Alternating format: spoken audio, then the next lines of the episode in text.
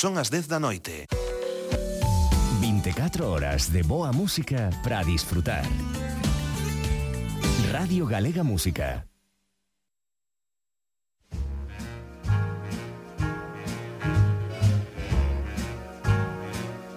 Cara B, con Manuel de Lorenzo. I've got you under my skin. I've got you deep in the heart of me. So deep in my heart that you're really a part of me. I've got you under my skin. I tried so not to give in. I said to myself, this affair never will go so well. But why should I try to resist when, baby, I know so well I've got you under my skin. I'd sacrifice anything come what might for the sake of having you near. In spite of a warning voice that comes in the night and repeats repeats in my ear. Don't you know little fool you never can win? Use your mentality. Wake up each time that I do just the thought of you makes me stop before I begin. Cause I've got you under my skin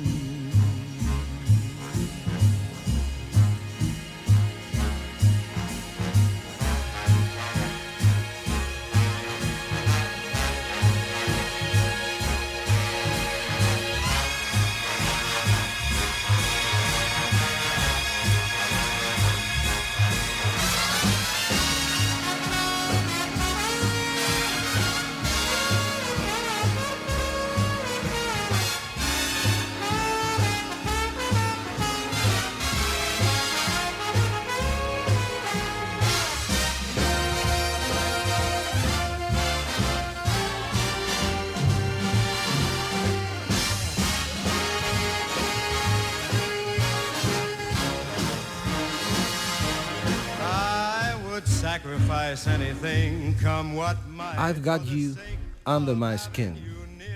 Este é un dos moitos éxitos que cantaba Frank Sinatra alá polo ano 1957. Nese momento xa levaba dúas décadas de carreira musical e 17 anos sendo un mito, concretamente dende 1940, cando conseguiu o seu primeiro número 1. Pero os anos 50, aqueles nos que triunfaba Sinatra, foron os anos que viron xurdir unha auténtica revolución musical, unha das máis grandes, senón a máis grande da historia. Porque nun lugar afastado do jazz, afastado do swing, eh, afastado en xeral do easy listening, que eran os estilos nos que máis cómodas se sentían as estrelas do momento, como Frank Sinatra ou como o seu propio ídolo, Bing Crosby, coas súas big bands detrás e toda esa ambientación orquestral, nun lugar afastado, como digo, deses estilos propios dos anos 30, 40 e 50, apareceu un novo xénero que mesturaba a evolución da música tradicional anglosaxona, convertida xa en bluegrass, coa evolución dos ritmos da música negra, convertida xa en blues. E desa mestura, dese contaxio entre músicas, desa contaminación entre o western e o rhythm and blues, naceu algo novo, algo fresco, trepidante, eléctrico, non? Algo que non lles facía especial graza aos cantantes como Frank Sinatra. No medio medio do século XX, Xusto cando Sinatra cantaba cancións como a delicada Under My Skin, aparecía en Estados Unidos o rock and roll.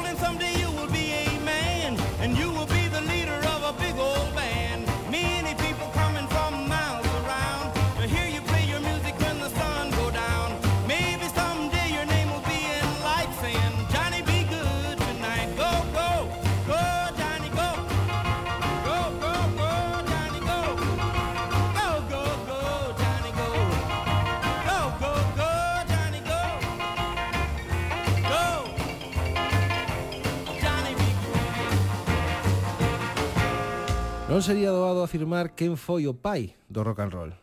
Chuck Berry con temas como este xenial Johnny B. Good de 1958 é un dos músicos eh, definitivamente responsables da súa popularización, por suposto, Dindel, que foi o padriño do rock. Pero claro, tamén Fats Domino, uns anos antes, non? E Bo Diddley, e Barry Holly, e Jerry Lee Lewis.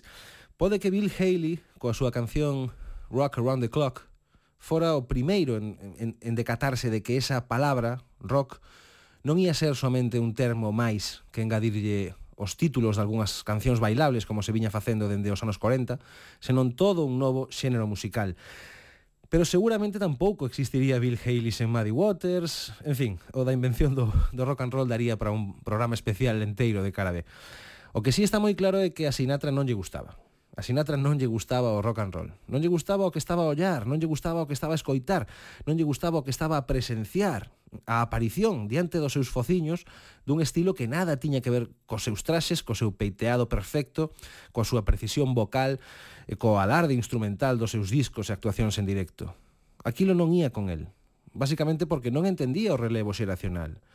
Un pouco como lles está a acontecer agora aos grandes do rock e o pop, cos novos xéneros musicais urbanos. Do rock and roll, aquel ano 1957 no que Under My Skin se mesturaba eh, nas emisoras de radio cos sons de temas como Johnny B. Good, Sinatra diría o seguinte, abro comiñas, o rock and roll cheira a falso e a finxido. É composto e cantado por cretinos e matóns É a música de guerra de cada delincuente con patillas que anda pola face da terra.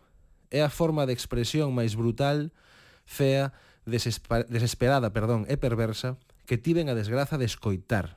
Miña nai. E claro, quen encarnaba naquel ano 1957 e no ano 1958 a imaxe máis icónica do rock and roll, se Bill Haley era o pai e Chuck Berry era o padriño, quen era o fillo, non? Quen era en persoa, en sí mesmo, o rock and roll? Pois o rapaz que saíra de Tupelo, Mississippi, que viña de ser a estrela de Sun Records en Memphis, Tennessee, e que revolucionara o país o ano anterior, en 1956, nos programas de televisión o show de Milton Berle, o show de Steve Allen e o show de Ed Sullivan un tipo que estaba chamado a ser o rei do xénero. Elvis Presley. You ain't nothing but a hound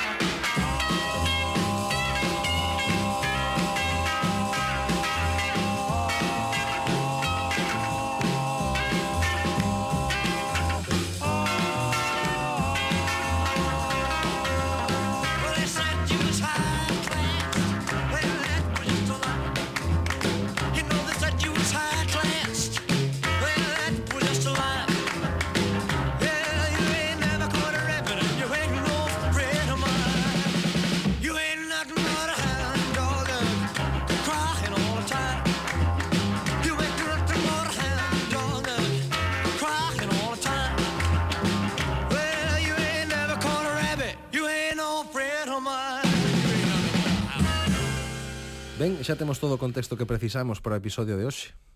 O rock and roll nacendo e converténdose no fenómeno musical do século, os crooners e cantantes de swing eh, vendo, asistindo, notando como o seu imperio estaba a piques de ser absorbido polo do rock, a Frank Sinatra revolvéndose contra o inevitable e tachando de música de delincuentes, fea, desesperada e perversa, e a Elvis facendo de embaixador e de emblema dos novos sons que inventaban e desenvolvían e facían medrar músicos como Chuck Berry, Buddy Holly, Little Richard ou Jerry Lee Lewis. O mundo de Sinatra contra o mundo de Elvis. Esa, esa era a batalla.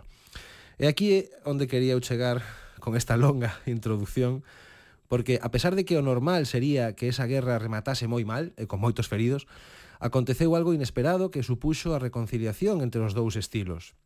Entre eses dous estilos tan distintos de entender a música e a vida, se me apurades. De súpeto, un bo día, e apertando moitos dentes, Sinatra deulle a alternativa a Elvis. Aceptouno, abriulle a porta do Olimpo musical, deixouno pasar e sentouno a súa mesma altura. E fixo todo iso levando a cabo un xesto, un só xesto, co que todo o mundo entendería que a guerra rematara.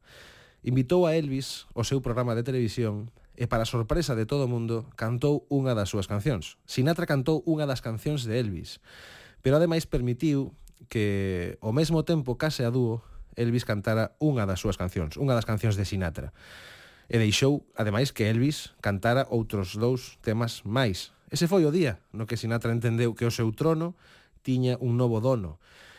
E a ese episodio tan fascinante imos dedicar o programa de hoxe, no que ademais escoitaremos as interpretacións daquel día, as actuacións de Elvis e Sinatra do 26 de marzo de 1960, porque xa sabedes que neste espazo non só nos gusta contar as mellores historias, senón tamén eh, asocialas precisamente as mellores cancións, non? Aquelas das que parten esas historias e eh, coas que están vinculadas. Así que comezamos xa, despois desta introducción tan extensa pero necesaria, desculpade, eh, porque facía falta dotar de contexto a todo o relato. Benvidos, polo tanto, todos e todas a parte de atrás da historia da música. Eu son Manuel de Lorenzo e aquí arrinca Cara B. Cara B.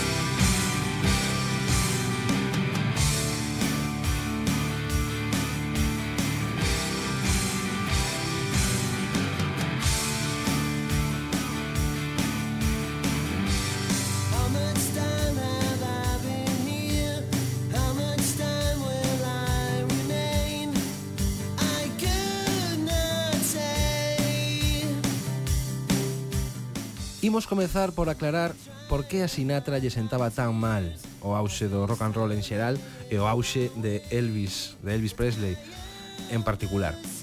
Porque a resposta é moi sinxela. Sinatra non aturaba a Elvis porque Elvis era el, era el mesmo 20 anos despois. Con Sinatra acontecera o mesmo, o mesmo que con Elvis. Vou vos poñer un exemplo para que vexades a similitude. Atopámonos no ano 1942, cando Sinatra tiña 27 anos e xa levaba un, un par deles rompendo esquemas, non? Porque o seu primeiro número un, xunto a Tommy Dorsey, que fora I'll Never Smile Again, eh, era do ano 1940, como os dixen antes. Estou a falar eh, do día 30 de decembro do ano 1942. Sinatra atopábase no escenario do Teatro Paramount de Nova York como estrela convidada dunha gala en que Benny Goodman era o artista principal. E de súpeto, cando comezou a cantar, estalaron os gritos e a histeria entre as mozas que asistían a aquela actuación, hm? ata tal punto que apenas se lle escoitaba cantar. Ou seja, Sinatra era no seu momento un fenómeno propio de, de rapazas novas das que mesmo tiña que fuxir porque acudían en masa cara a él, non? Era o típico fenómeno fan, pero nos anos 40. Outro exemplo, o 12 de outubro de 1943, un ano despois, durante a súa actuación no mesmo teatro. 40.000 persoas mayoritariamente mozas, colapsaron todas as rúas que conducían o teatro só para velo a él. Eh? Os clubs de fans e os negocios eh, crecían como a espuma para Sinatra. Ofrecíanlle programas de radio, contratos cinematográficos, portadas de revistas. Estamos a falar dun tipo que gañaba millóns de dólares o ano. O Justin Bieber do, do momento, non? Igual que lle aconteceu no seu día os Backstreet Boys ou, ou moito, moitos anos antes, pero despois de Sinatra, claro, a Elvis Presley. E que é o mesmo, non? non é que Sinatra non aturase a Elvis por razóns obxectivas, é que Elvis chegara para roubarlle o seu posto no máis alto como fenómeno de masas. E Frank sabíao.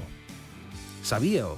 De aí que as súas declaracións estivesen orientadas a, tan, a, a tentar facerlle o baleiro e mesmo a deter o seu ascenso. Pero claro, iso sería como poñerlle ou intentar poñerlle diques o mar.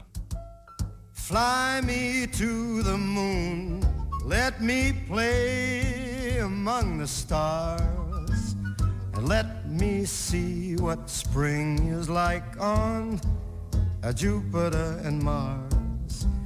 In other words, hold my hand. In other words, baby, kiss me. Fill my heart with song and let me sing forevermore. You are all I long for, all I worship and adore. In other words, please be true.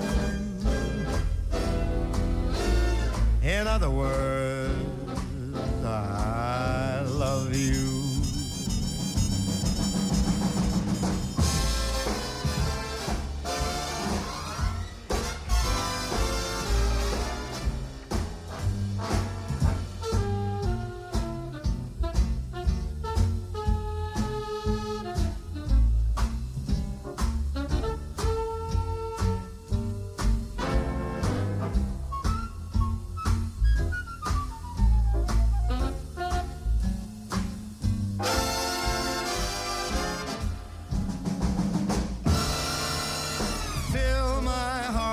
Song let me sing forevermore. You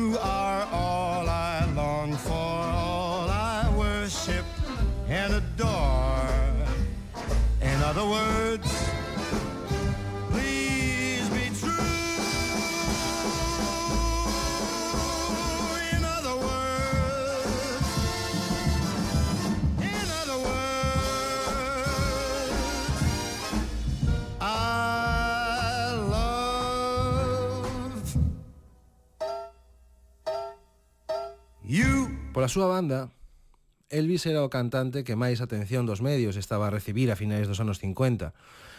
Claro, para a desesperación de, de Frank Sinatra, non? E todo porque eh, estaba en mans dun tipo eh, que sabía como sacarlle todo o zume a galiña dos ovos de ouro, o coronel Tom Parker.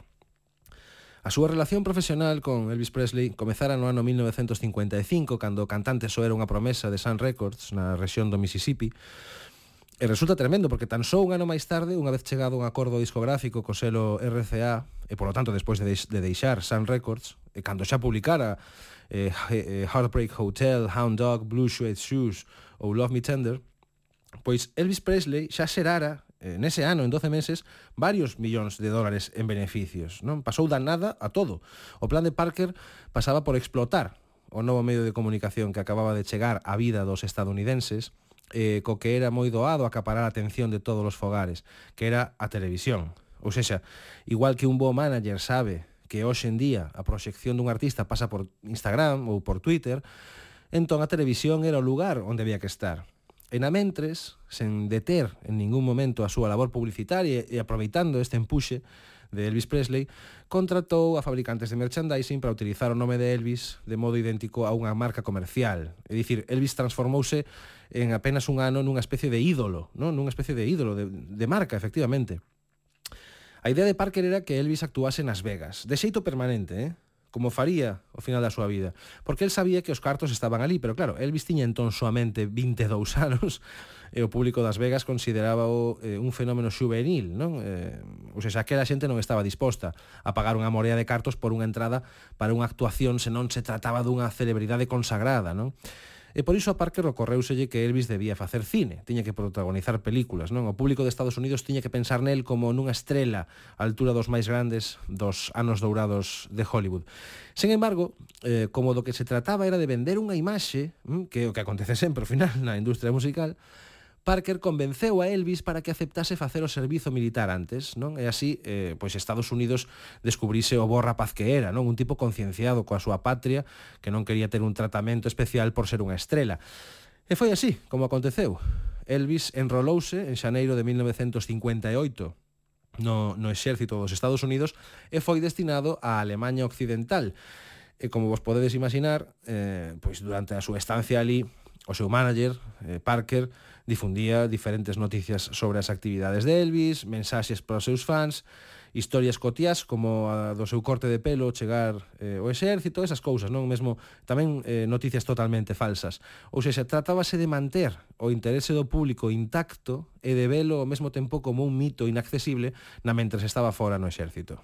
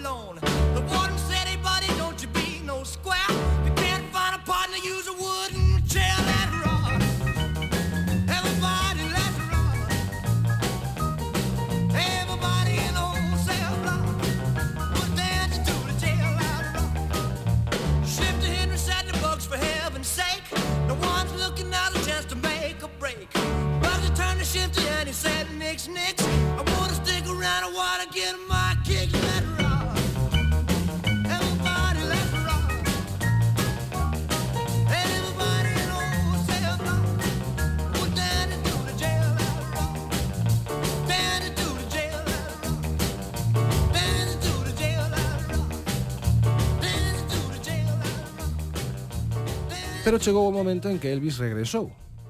Volveu de Alemanha. Volveu do exército no ano 1960, con 25 anos, e con todo o país esperando, claro, agardando polo seu regreso.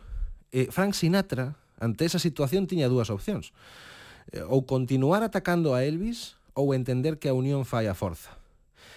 Eh, e claro, sobre aquelas palabras de Sinatra, eh, sobre o rock and roll, lembrades, non? Elvis xa contestara, contestara dun xeito ademais moi educado, dixera Mm, Frank ten dereito a opinar, pero non entendo que o faga sen unha boa razón. Admiro como intérprete e como actor, pero creo que está moi equivocado respecto disto. Se mal non recordo, el tamén formaba parte dunha moda. Non vexo como pode chamar a mocidade de hoxendía inmoral e delincuente. Ben, ben falado, non? Ben falado. E aí foi cando se produxo uh, a xogada fundamental de Frank Sinatra nesta historia. El, como estábamos a dicir, vía ameazada a súa posición, o seu estilo de vida, non? A medida que esta nova xeración encabezada por Elvis, pois comezaba a deixar a súa marca na historia eh, da música, non? E era perfectamente consciente Sinatra de que se loitaba contra iso, eh, como intentara facer tempo antes con aquelas declaracións, eh, ia sair perdendo, non?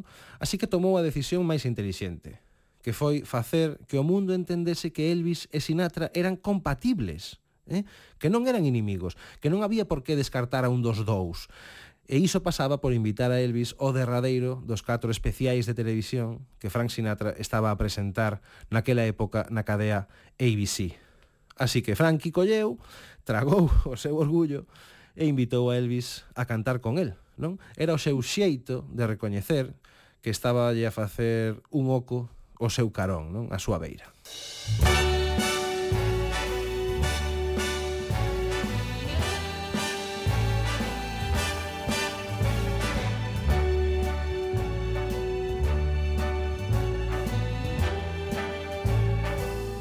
start spreading the news. I'm leaving today.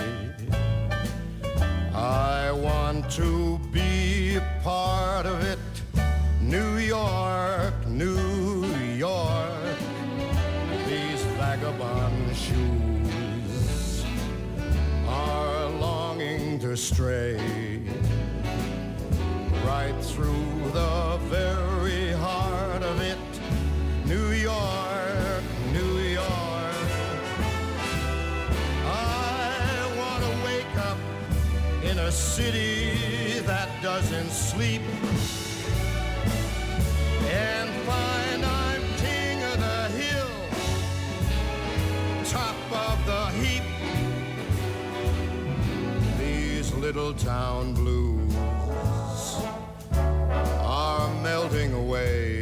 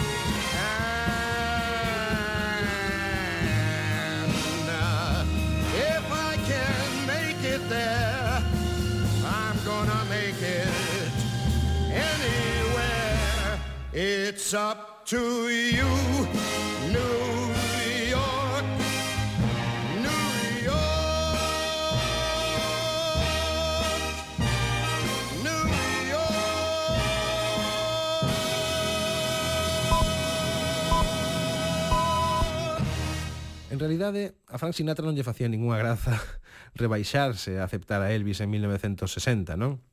A teoría está moi ben, pero na práctica foi a súa filla Nancy quen, quen falou con el quen falou, quen falou con, con seu pai e convenceuno de que era o mellor que podía facer se non quería poñer a todo o país na súa contra pola súa rivalidade cun rapaz que era 20 anos menor que el, non? E que tiña todo o futuro por diante, ademais. Eh, de feito, tempo despois Elvis compensaría a Nancy cun papel eh, nunha das súas películas, Speedway, pero bueno, eso, este é outro tema. Así que, eh, nada, Frank Sinatra citou a Elvis o 26 de marzo dese ano, 1960, no Hotel Fontainebleau eh, de Miami para gravar o show. A Sinatra lle preguntaron, como é normal, se cambiara de opinión sobre o rock and roll, xa que estaba a invitar o seu máximo expoñente, non, o seu espectáculo. E da súa resposta se deduce que a opinión non estaba moi lonxe do que estivera anos atrás, un poquiño se acaso, porque contestou, "Bah, contestou isto referíndose a Elvis, dixo, "Bah, o rapaz estivo fora dous anos e teño a sensación de que realmente cree no que está a facer." ou seja, como se como se Elvis eh, fora un tolo, non? como se estivese equivocado con todo aquilo do rock. Eh, en fin, por aquel especial que se chamaba, por certo, o, o, seu, o seu título eh, original, porque é coñecido como Welcome Home Elvis, eh, o título original era Frank Sinatra's Welcome Home Party for Elvis Presley, ou seja, máis ou menos, a festa de benvida a casa de Frank Sinatra para Elvis Presley, Elvis ia eh, recibir 125.000 dólares, que era unha suma moi alta nese momento por unha súa aparición en televisión.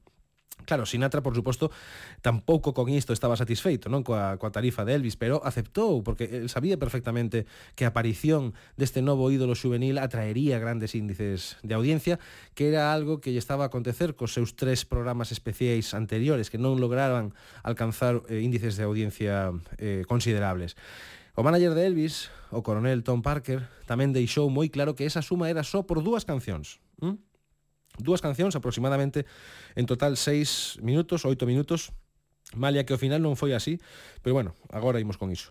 No fondo Parker estaba encantado, acontecese o que acontecese porque era consciente de que a aparición de Elvis no programa de Sinatra ia atraer a unha audiencia de, de maior idade, non un mercado máis maduro e con menos probabilidades de descartalo eh, en favor do próximo ídolo adolescente e ademais era o tipo de público que ele estaba a buscar para Elvis nas Vegas non era perfecto era un win-win esta, esta operación non eh, ia supoñer un antes e un despois mm, ademais, por así dicilo, porque nel eh, neste especial íanse reunir dúas das estrelas máis importantes do mundo da música, non? Cada unha co seu propio título eh, nobiliario case, non? Que eran Frank Sinatra, a voz, e Elvis Presley, é dicir, o rei.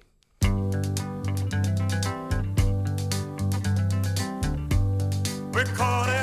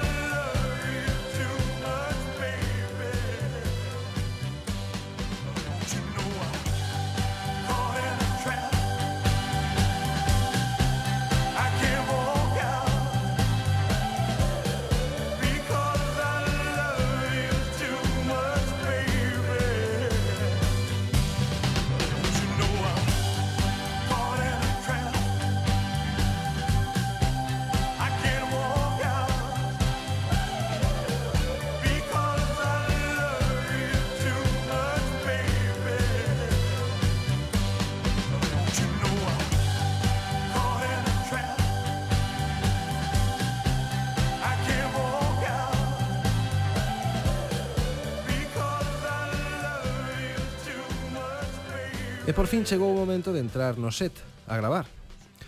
Aquela era a primeira aparición de Elvis en televisión en máis de tres anos. Claro, lembrade que estivo no exército en, en Alemanha, el sentíase moi moi nervioso, non? Malia que despois na grabación non se notou, isto é certo. O coronel Parker, o seu manager, xa se encargara eh, de mover precisamente para evitar isto, os seus fíos para que entre o público houvese a maior cantidade posible de fans de Elvis eh, de xeito que todos eles, sobre todo todas elas, gritasen eh, como a tolos cando Elvis entrase no escenario e se sentise arroupado. Era un tipo listo, eh, o, o coronel Parker, que de coronel, non, de coronel non tiña nada, por certo, pero bueno, este é outro tema.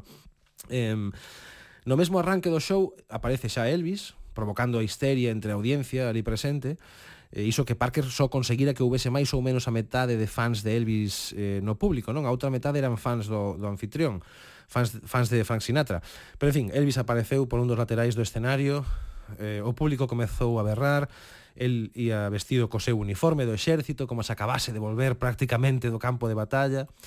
Entón uniuse os outros convidados do programa, incluída a filla de Frank Sinatra, Nancy, que era responsable de que Elvis se atopase aquel día ali, xa que ela convencera o seu pai de unirse a él e de non seguir atacando, porque era unha guerra na que estaba condenado a sair eh, derrotado, non?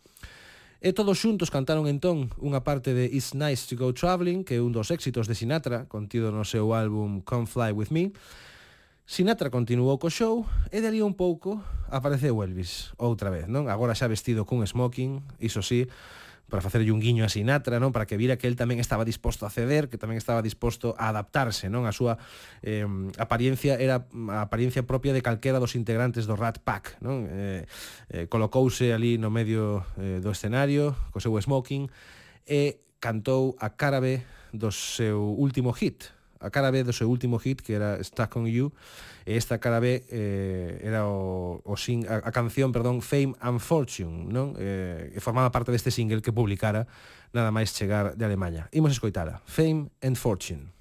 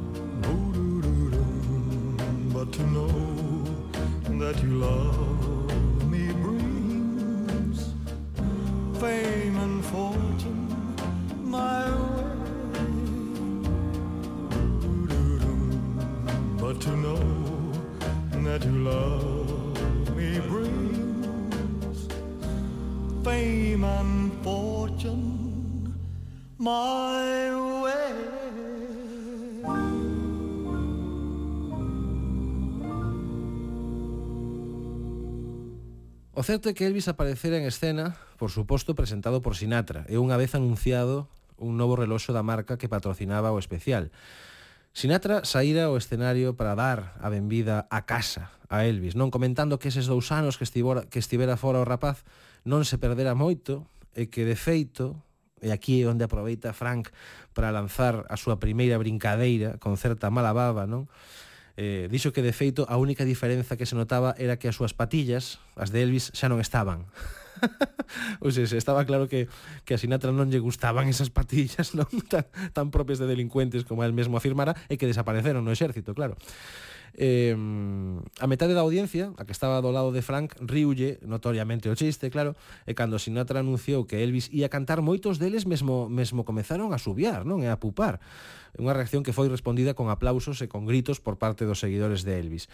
E por fin, eh, o, rei, o rei, despois de cantar Fame and Fortune, esta cara B que acabamos de escoitar, acto seguido interpretou a canción principal deste single que é Stuck on You.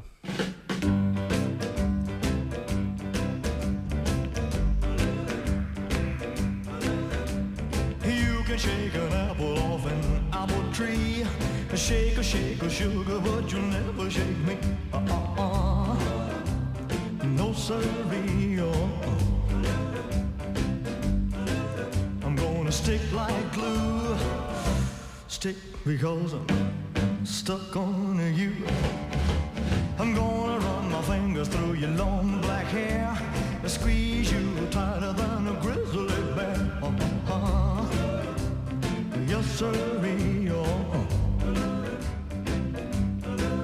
I'm gonna stick like glue. Stick because I'm stuck on you. Hide in the kitchen, hide in the hall. Ain't gonna do you no good at all. Cause once I catch you and the kissing starts,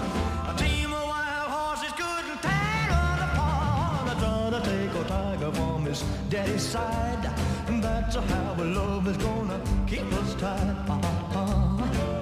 Uh-huh. Oh yeah. Uh-huh. I'm gonna stick like glue. Stick because I'm stuck on you. Hide in the kitchen,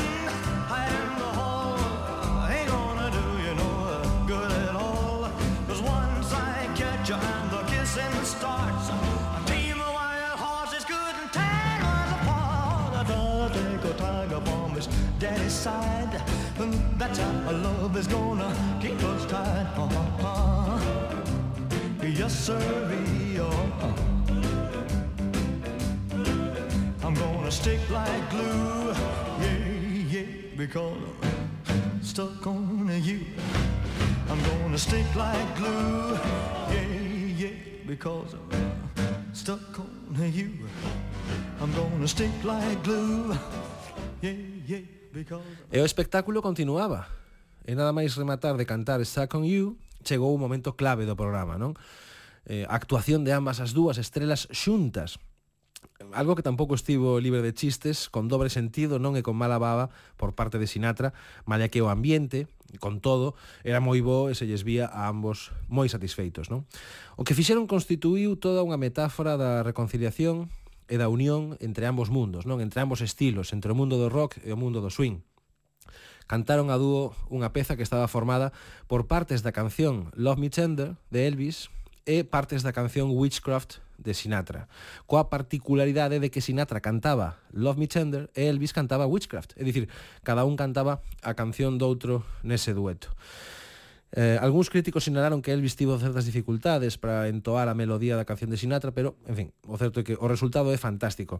Imos escoitalo, imos escoitar agora esa actuación. Pidemos desculpas porque o audio non é de absoluta calidade, claro, polas condicións do directo, pero me gustaría que prestarades especial atención ás intervencións que fai Sinatra.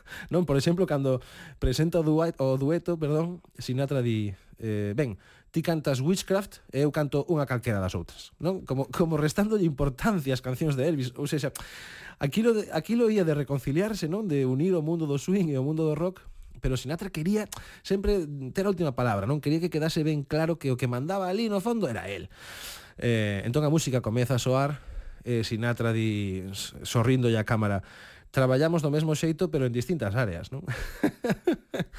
Resulta evidente que, que non sabe desculparse decentemente este home, non? claro, non sabía, eh, el quería desculparse, non entendo por o que dixera sobre aquelas aqueles delincuentes que facían rock and roll, que era unha música fea e perversa, pero a desculpa non lle acababa de sair ben. En fin, eh, aquel xesto, ao final de Frank Sinatra convidando a Elvis ao seu programa Valeu para deixar atrás o rencor dos anos anteriores e o dueto, especialmente a harmonización vocal do final, fixadevos, encaixou a perfección. Oh, what I tell we do, we do, a, we do a, uh, uh, you do witchcraft, okay, and I'll do one of the other ones. Okay, hey, Nelson?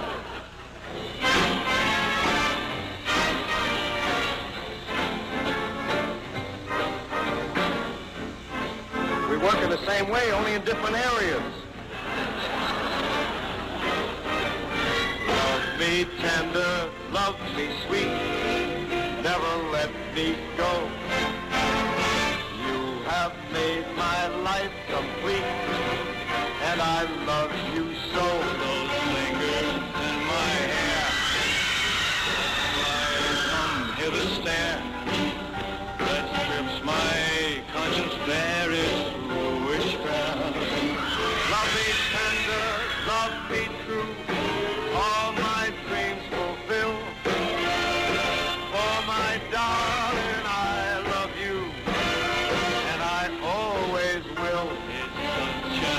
John Pitt.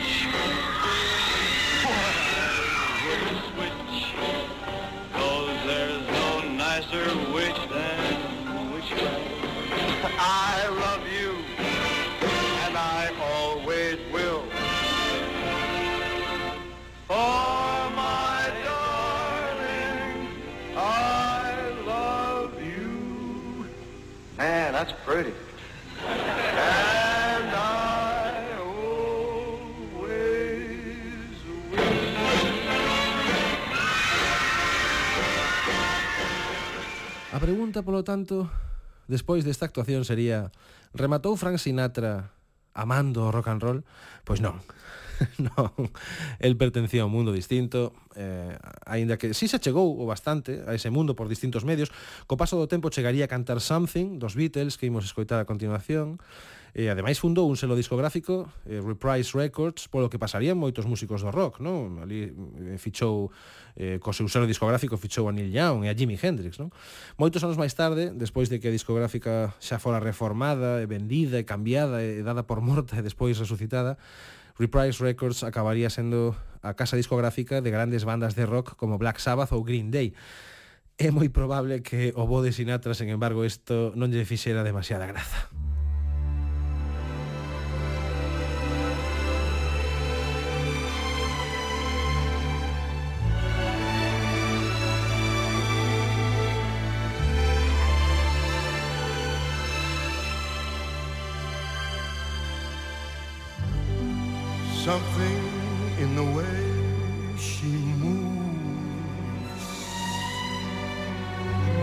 Attracts me like no other lover. Something in the way that she woos me. Don't wanna leave her now. Better believe and how. Somewhere in her smile, she knows I don't need no other lover. Something in her style that shows me don't wanna leave her now. Better believe and how.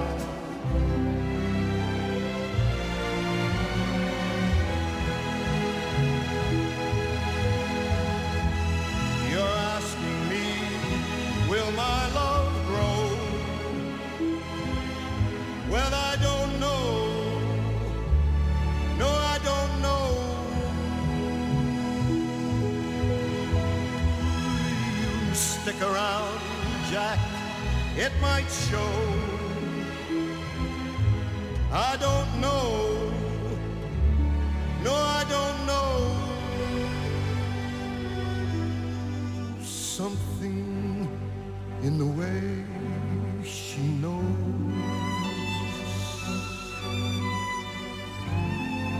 All I gotta do is just think of her. Something in the things that she shows me.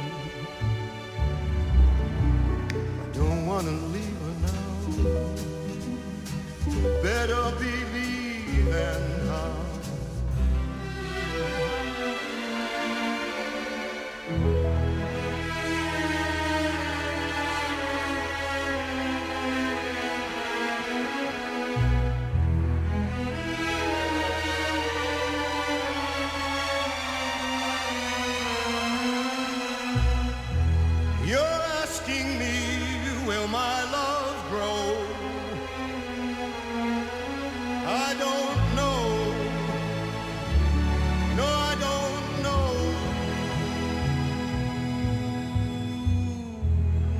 But you hang around, Jack, it might show. I don't know. No, I don't know. something in the way she knows me. And all I gotta do is just think of her. Something in those things that she shows me. Don't wanna leave her now better believe and how. Mm-hmm.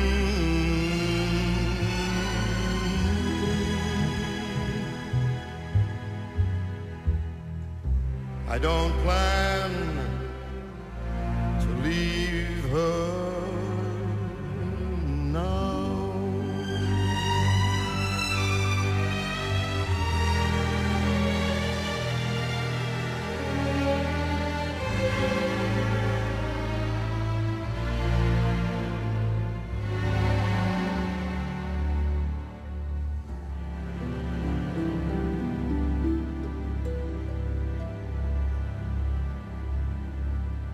E nada máis, ata aquí o programa de hoxe.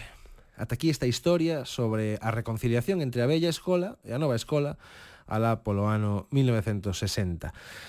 Agardo que vos gustara tanto como a nós este relato que, como sempre, mm, tentou profundar na parte de atrás da historia da música, na parte menos coñecida, meténdose entre bambolinas para entender mellor como se forxaron os mitos do rock e o pop. Para nós foi un placer traérvola ata este espazo no que se alternan as boas historias e as grandes cancións. Esperamos por todos vos a vindeira semana noutra entrega de Cárabe. Non esquezades buscarnos, por certo, na plataforma Radio Galega Podcast, na web da Radio Galega, onde podedes atopar todos os nosos episodios. Coidadevos moito. Cara B, con Manuel de Lorenzo.